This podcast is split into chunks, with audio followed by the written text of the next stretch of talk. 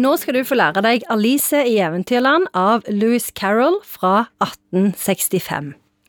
Den kan oppsummeres sånn. Alice kjeder seg helt til hun faller ned i et kaninhull og treffer på en rekke underlige vesener, for eksempel en blå larve, en snakkende katt, en gal hattemaker og ei sinte dronning. Til slutt ble hun lei og reiser hjem igjen. Du fant veien tilbake igjen? Ja, hun klarer å finne veien tilbake igjen. Men det er jo ah, Det er så sykt irriterende å lese denne boka, fordi det er jo liksom det er jo ordspill og logiske gåter og matematiske nøtter, og så er det veldig mye sånn at hun snakker med folk, og så liksom eh, At det er liksom sånn Å, du er så dumme. Du, da? Dumme. Du, da? Det er liksom som å sende e-post til noen hvor du aldri får svar på det du spør om, de bare svarer på all slags andre greier. Skjønner. Ja. Eh, hun, hun sovner. For hun sitter og leser med Elvekanten sammen med, med søstera. Og så leser hun ei bok uten bilder, som vi jo vet er ganske gørr. og så tenker hun sånn Å, jeg er så enormt lei av at denne boka ikke har bilder. Og så sovner hun, og så drømmer hun dette. Og så er det mange som mener at det er det egentlig, egentlig Louis Carroll tar for seg, da. Det er liksom dette her med hvor vondt det er å bli voksen. For det, plutselig må du liksom legge fra deg alle bild, bildebøkene, og så må du forholde deg til e-poster hvor ingen gir deg svar på det du lurer på. Blir hun redd for noe av det hun møter der nede? Ja, hun blir, hun blir på en måte litt redd, men aller mest frustrert. Sånn som eksempel når hun spiser den der kaka som gjør at hun vokser veldig, så blir hun ganske redd. Og så, når hun spiser den kaka som hun skal krympe, da blir hun redd at hun skal bare forsvinne til ingenting.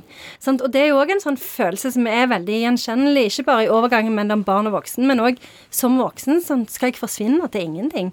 For vi krymper jo. Sånn, jeg Men er det barnebok? Ja, det er ei barnebok, men det er òg ei bok som du faktisk kan lese når som helst og få noe ut av den. Og det som òg er veldig kult, det er at det, for 1800-tallet var jo på en måte den gylne æraen for barnebøker. Men fram til denne boka her, så var det mest sånne bøker som skulle lære barn å bli voksne. Sånn liksom hvordan kan du dyrke din egen potetåker, hvordan skal du føre regnskap, sånne ting.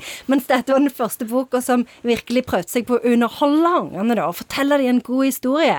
Og derfor så har jo den blitt stående da, som en, som en skikkelig klassiker. Men det kan jo høres ut som forfatteren her kanskje har røykt noen gamle Opel-CD-er eller et eller annet, og dette føyer seg inn i Okkenbom-skolen, at du skal komme på det òg. Altså, her er det tungt rusmisbruk heter Okkenbom.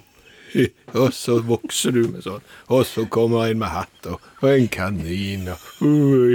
du, du får jo litt den følelsen Ja, der. ja, og det er jo, han har jo ofte blitt tolka på den måten. Sånn som Jefferson Airplane har jo en sang som heter White Rabbit, og den handler jo om eh, å bruke LSD og all slags hallusinatoriske stoffer. Altså, det er jo veldig lett å trekke den parallellen. Men igjen så er det jo ei bok som innbyr til ulike fortolkninger, da, alt etter hva ståsted du har, hvor du er i livet. Men vet vi noe om livsførselen til, til forfatteren? Ja, han var ikke noe sånn eh, Han drev ikke med LSD, liksom, Nei. i 1865. Han spilte ikke på Nøse heller, og han het ikke Jokken Bom egentlig. Nei. Han likte et godt ordspill. I godt lag.